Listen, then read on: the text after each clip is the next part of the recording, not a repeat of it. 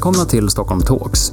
Nu bjuder fastighetsägarna in till samtal om Stockholms framtid. Vi tror det behövs en arena för diskussionen om var den här staden är på väg. Hur rustade är stockholmarna och hur rustade är Stockholm som stad för allting som kommer att hända framöver? Vilka är våra möjligheter och utmaningar? Och inte minst, vad gör stockholmarna glada? Vad gör att våra besökare vill återvända? Du är välkommen att lyssna, men du är också precis lika välkommen att delta i det samtalet som alla stockholmare behöver vara med i. Välkomna till ett nytt avsnitt utav Stockholm Talks, fastighetsägarnas eh, samtalsserie om Stockholm och utveckling och trender och gott nytt 2021 får man ju säga. Det här är första avsnittet för i år. Vi uppehåller oss lite grann, även om det är fortfarande mörka tider innan eh, det börjar bli ljusare på, på många sätt i, i kanske den här regionen, men att ändå prata om under de här dagarna goda och roliga exempel på saker som har tillfört Stockholm. Det har varit mycket diskussion den senaste tiden om allting som har försvunnit och stängts ner, så vi tänkte att det kunde vara intressant att prata om det som har tillkommit och som, eh, som ger någonting nytt.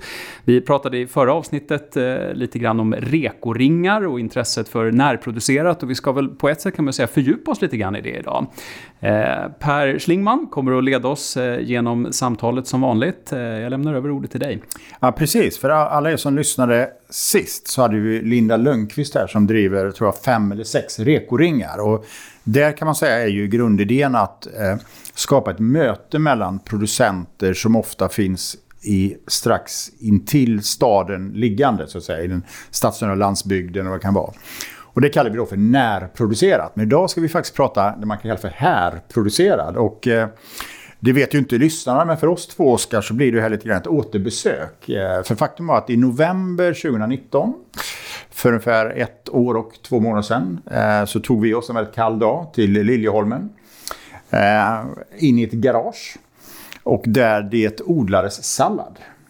Och jag minns så väl att, att jag själv köpte den här salladen sen på Olens. Då hette en av kategorierna som tycker var bra för framtidssallad. Mm. Och det är det som är utgångspunkt lite för den här diskussionen. Eh, är detta någonting som är framtiden? Och vi har gäst i det här samtalet, Johanna Ylén Merske, som är marknadschef på Urban Oasis. Som sysslar med urbana odlingar. Varmt välkommen! Tack så mycket! Då tänkte jag direkt sådär, berätta om vad är en urban odling? Absolut. Så det som vi arbetar med är ju vertikala odlingar. Mm. Eh, och precis då som du beskrev så har vi vår odling i Liljeholmskajen. Så under ett bostadshus i ett garage åker man ner eh, och där finner man då våra odlingar. Eh, där vi odlar både grönsallad, grönkål och pak choi för tillfället. Mm. Um, men det som är urbana odlingar generellt då är ju egentligen bara att, att man odlar i stan på olika sätt. Må det mm. vara på taket eller i rondeller eller så som vi odlar då inomhus i olika utrymmen som inte annars används. Mm. Och lite tema på det här det är ju att, att i tider som är lite dystra ändå försöka hitta de här fickorna av verksamheter, fenomen som växer. Och när jag och Oskar var eh, hos er så var det, eh, det pågick odlingar men det var ganska litet. Men nu ska ni växa, eller hur? Precis. Så vi, vi har precis fått in en ny kapitalrunda vilket gör att vi har möjlighet då att skala upp från den här pilotfarmen som ni var och såg till något som vi kallar megafarm, vilket det egentligen bara är. Det är en farm eh, som kommer att odla 15 till 20 gånger mer än vad vi gör i dagsläget.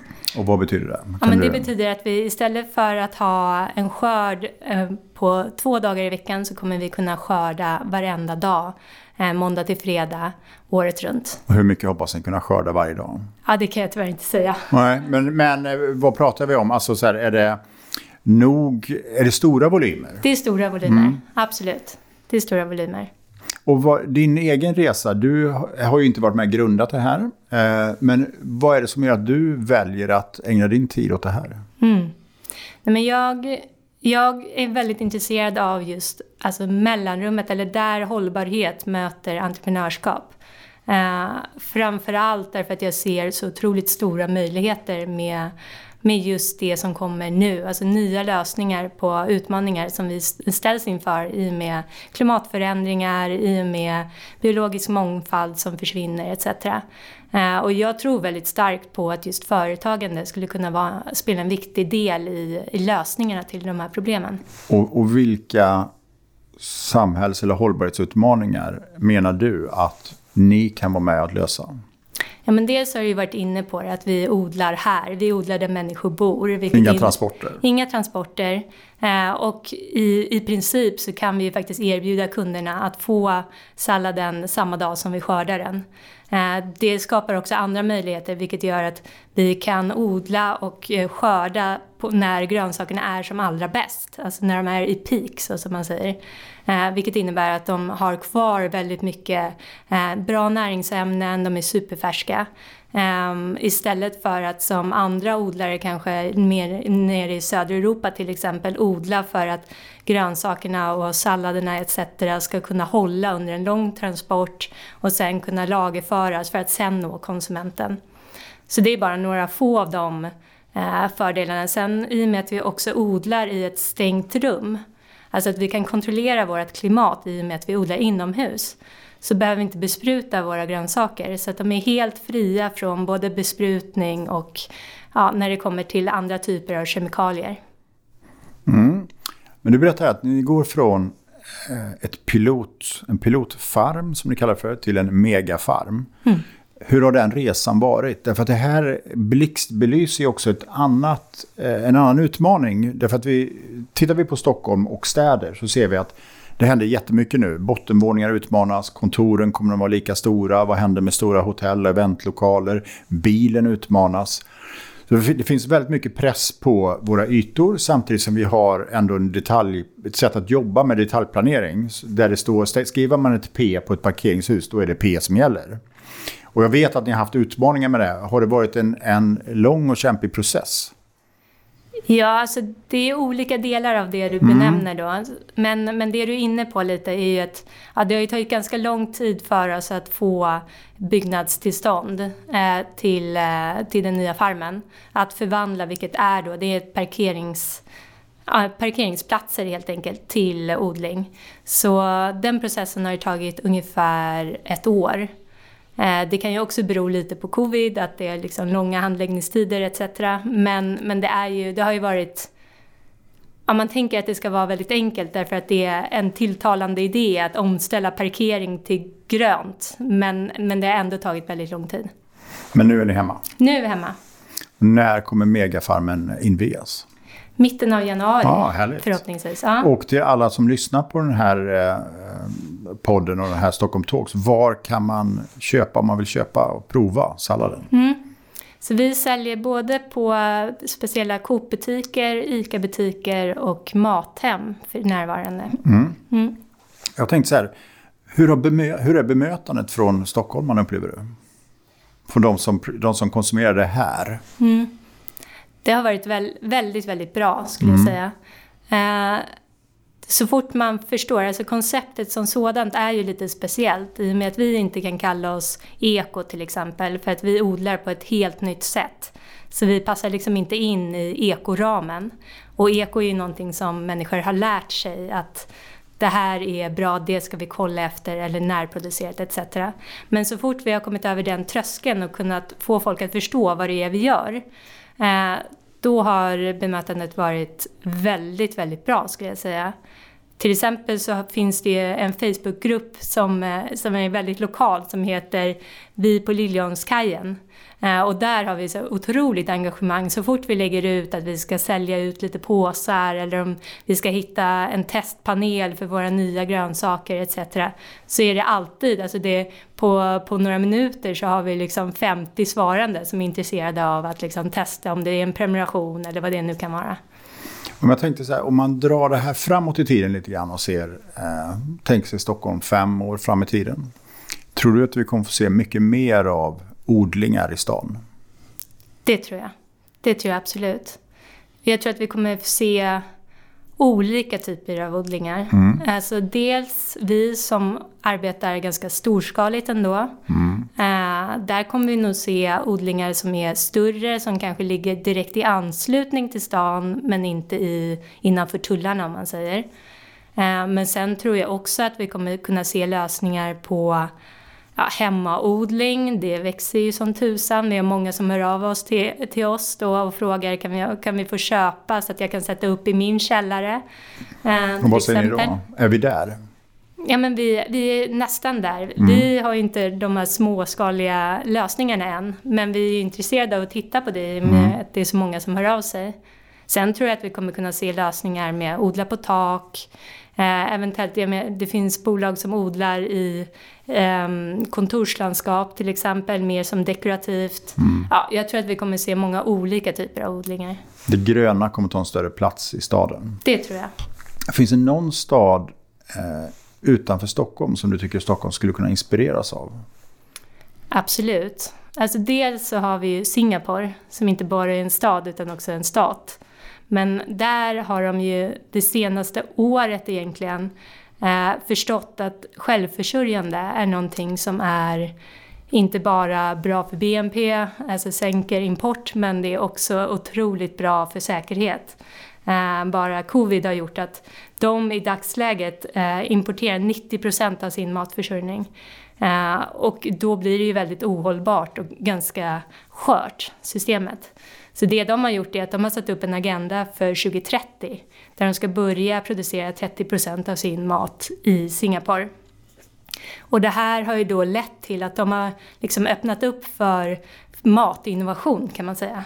Så de jobbar med allt ifrån att titta på proteinbaserat som inte har med kött och fisk att göra utan odlat i labb, framställt av andra naturliga produkter som smakar som fisk eller skaldjur eller kyckling till eh, odlad mjölk i labb, till vertikalodling etc.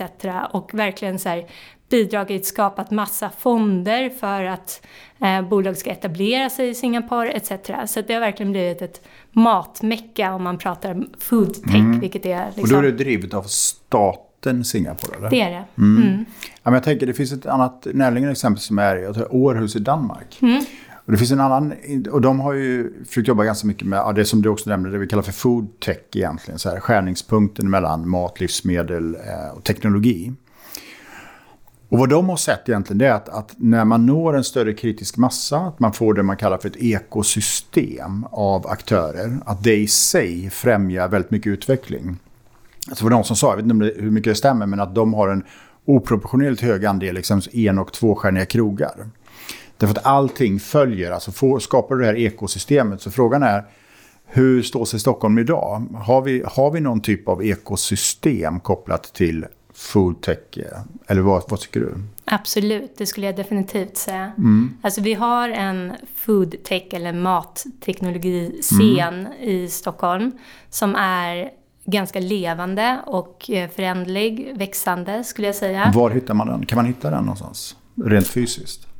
Nej, det är nog svårt. Man hittar den digitalt skulle mm. jag säga. Digitala mötesplatser, det finns många konferenser som pågår och man pratar Ehm, kanske också inte bara Stockholm utan liksom Norden om man tittar på regionen, att det pågår väldigt mycket. Eh, och det på något sätt, just det här ekosystemet som du pratar om, det är ju någonting som man märker väldigt väl själv som entreprenör. Att det är, det är både enkelt att att nå ut till människor som man kanske skulle behöva i sitt nätverk för att komma vidare med, med sin, eh, sitt bolag till exempel. Eh, alternativt det är lättare att också hitta liksom, ambassadörer för sitt varumärke, folk som redan nu vet vad det är vi gör och liksom tycker att det är bra. Sådär. Så att eh, jag skulle verkligen säga att det, det stärker ju en som företagare. Mm, jag tänker också så här, eh, tillgång till kapital, tillgången till, eh, finns det bra juridiska tjänster som förstår den här typen av problematik? Alltså det är ett helt ekosystem som, men ni har ju också eh, gjort en kapitalanskaffning. Mm. Var det en stor utmaning eller för, upplevde du att liksom, riskkapital eh, Stockholm förstår och ser potentialen? Jag skulle säga att de börjar få upp mm. ögonen för det. Mm. Vi är kanske inte riktigt där än. Eh, det är inte lika lätt som om det här var ett eh, fintechbolag, alltså jobba med finansiella tjänster. Eh, men det gick ju definitivt lättare än om man skulle vara pessimistisk och tänka att det här kommer ta jättelång tid. Så att med det sagt så tror jag, och framför allt just med covid, att vi liksom har befunnit oss i det här i ett år, gör att, att vi börjar tänka att vi måste hitta nya typer av lösningar. Och det tycker jag att man märker väldigt väl, att folk är liksom öppna för nya sätt att tänka, både kring vart man ska placera sitt kapital, vilka affärsidéer man tror på, cir cirkularitet till exempel, etc. etc. Att det, är liksom, att det finns en väldig förändringskraft i samhället just nu, upplever jag, som gror och som kommer liksom börja ge resultat väldigt snart. Och om man tänker sig så här att vi leker med tanken att du är borgmästare i Stockholm. Och, och, du vill liksom knuffa på den här utvecklingen, få den att gå lite snabbare, lite mer kraftfullt, lite lite mer singaporianskt. Vad skulle du göra då? Vad skulle Stockholm kunna göra mer? Jag tror framförallt att det handlar om att belysa de här frågorna för allmänheten. För på något sätt så, jag menar, drivet finns hos entreprenörerna och intresset finns hos de som besitter kunskapen redan. Så jag tänker att nästa steg nu är att liksom börja sprida den här kunskapen längre och längre ut utifrån liksom det lilla communityt av eh, foodtech. Så att människor förstår att det är inte bara eko som kanske är bra för planeten utan att vi, vi närmar oss väldigt många olika nya lösningar som kommer liksom betyda väldigt mycket kring vad vi äter för mat både idag men framförallt om 10-20 år. Mm. Så, att, så att den diskussionen, den arenan, jag, jag tänker också så här, det finns en annan aspekt som jag, jag, tycker är intressant och jag tyckte det var så intressant när vi gjorde det här besöket och det kan man säga, det är ett slut. Så vi har haft, tror jag, 15-16 samtal här. Och på något sätt så märker man ganska tydligt att, att, att en stad och en plats, vi har en ganska cementerad syn på hur vi använder platserna. Och det vet vi, det leder till att vi använder platserna i väldigt begränsad utsträckning. Vi har våra köpcentrum, de stänger ner klockan 18 och sen är de tomma fram till klockan 10 därpå. Eller 9 när kanske personalen kommer. Och frågan är, och det som är intressant här tar man en plats som har haft ett syfte och så gör man någonting nytt. Det är så förändring sker i grunden. Och frågan här är, för jag tänker också så här, det är fastighetsägarna som driver de här samtalen. Eh, skulle fastighetsägare kunna vara mer öppna, flexibla, nyfikna, göra någonting? Kan, kan fastighetsägarna pusha på den här utvecklingen? Absolut. Och hur då? Ja men till exempel, vi är ett väldigt bra exempel på det. Alltså en av våra investerare är till exempel de som äger parkeringsplatsen där vi eh, befinner oss. Så visst att vi hyr våran, våran plats men det är också en del av investeringen som mm. de har gjort. Så de har ju varit öppna för att titta på nya typer av användningsområden för ett parkeringshus. Och på sikt så är ju det väldigt bra för dem också i och med att jag menar, parkeringshus kommer kanske inte alltid ha samma, eller vi kommer inte ha samma nej, nej, behov för det. Vi har konstaterat det tidigare, så bilen, ungefär hälften av utrymmet i Stockholms stad går till bilen. Till vägar, parkeringsplatser och så. Och det, vi vet ingenting om framtiden, men vi kan nog vara rätt säkra på att den andelen kommer minska. Det tror jag också. Mm. Och frågan är liksom, och, och, hur, jag tänker också så här lite mer praktiskt så här, mm. om man då är fastighetsägare så tänker man att jag ska börja tänka lite mer kreativt, optimera mina, mina lokaler, mina platser. Jag vet att det finns många som har exempelvis just parkeringsplatser och parkeringsgarage. Um, hur når man fram? Och det var därför jag frågade lite grann, finns det någon plats, finns det någon struktur för det här växande foodtech-ekosystemet eller scenen? Mm.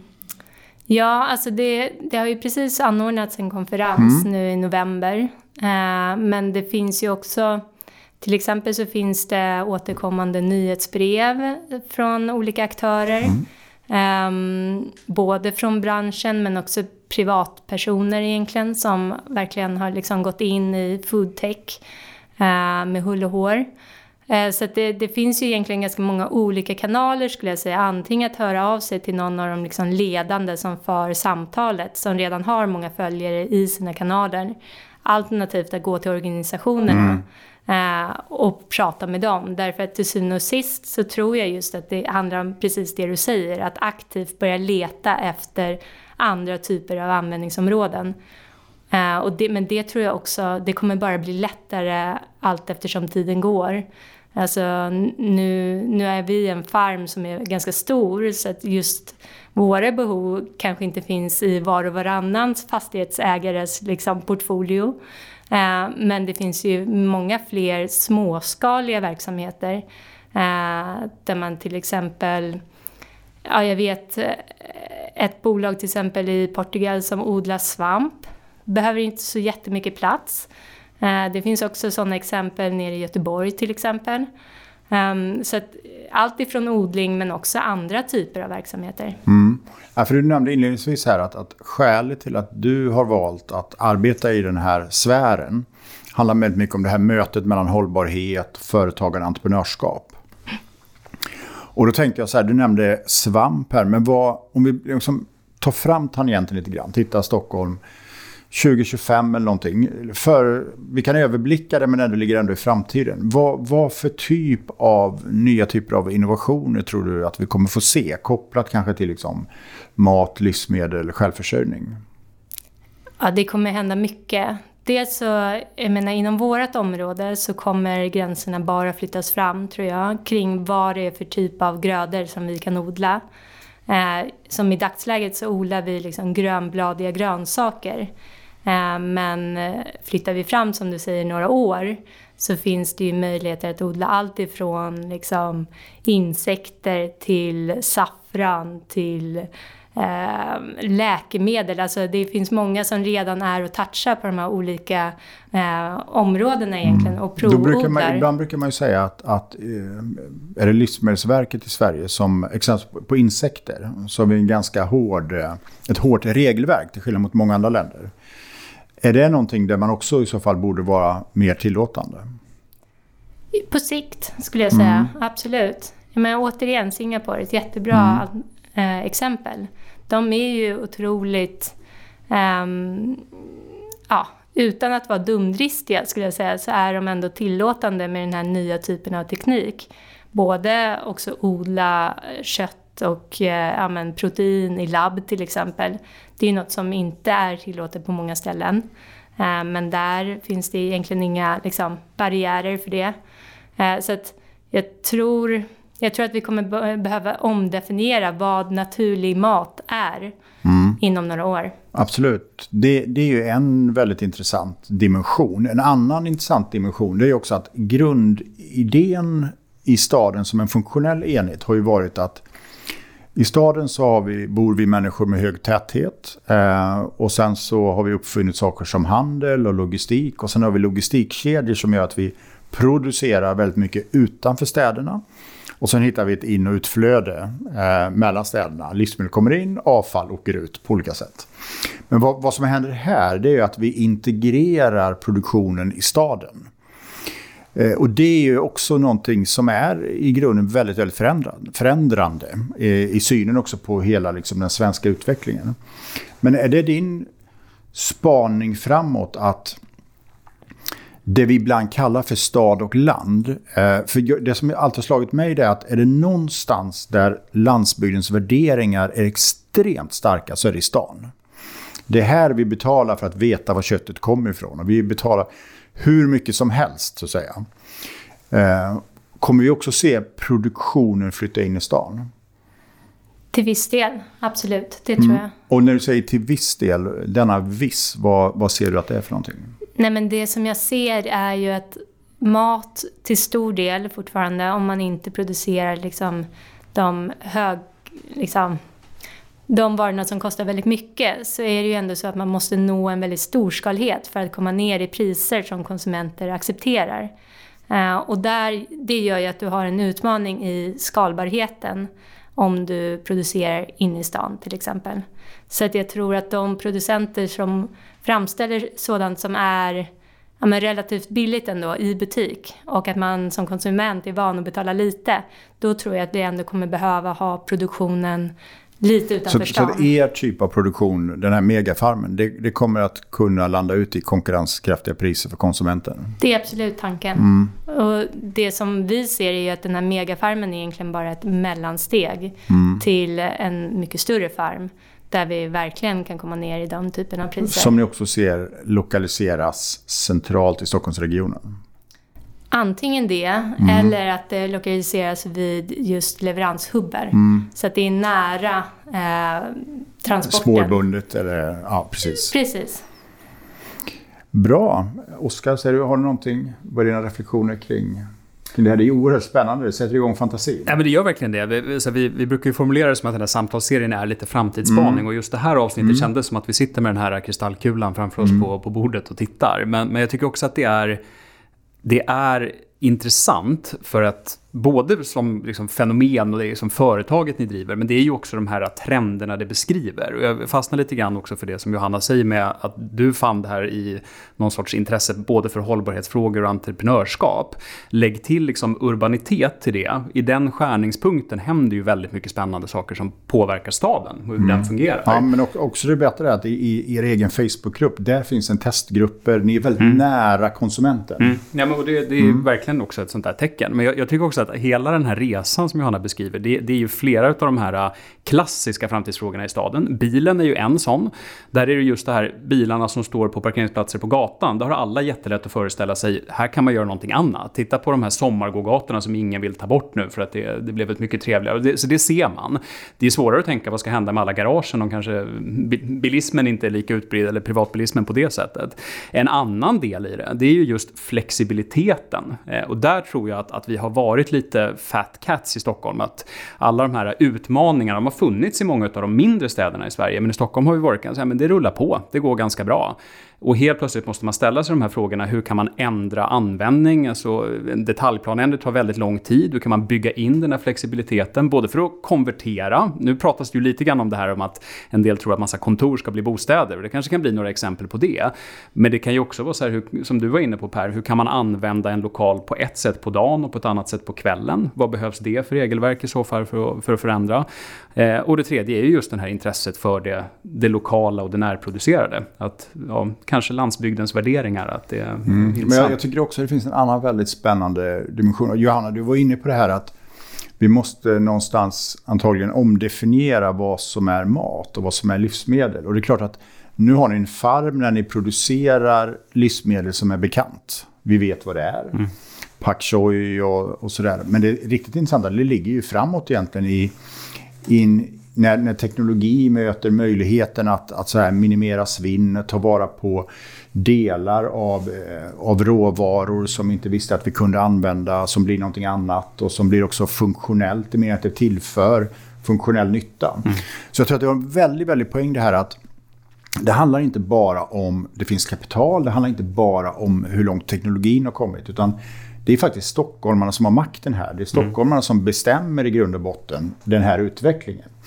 Eh, om man är beredd att bejaka det nya, ha ett nyfiket sinne eller inte. Jag vet att eh, Smaka på Stockholm exempelvis, den här eh, fest, festen som är i Kungsträdgården. Nu var väl inte den senast, men året innan. Då hade de en liten del som var just foodtech.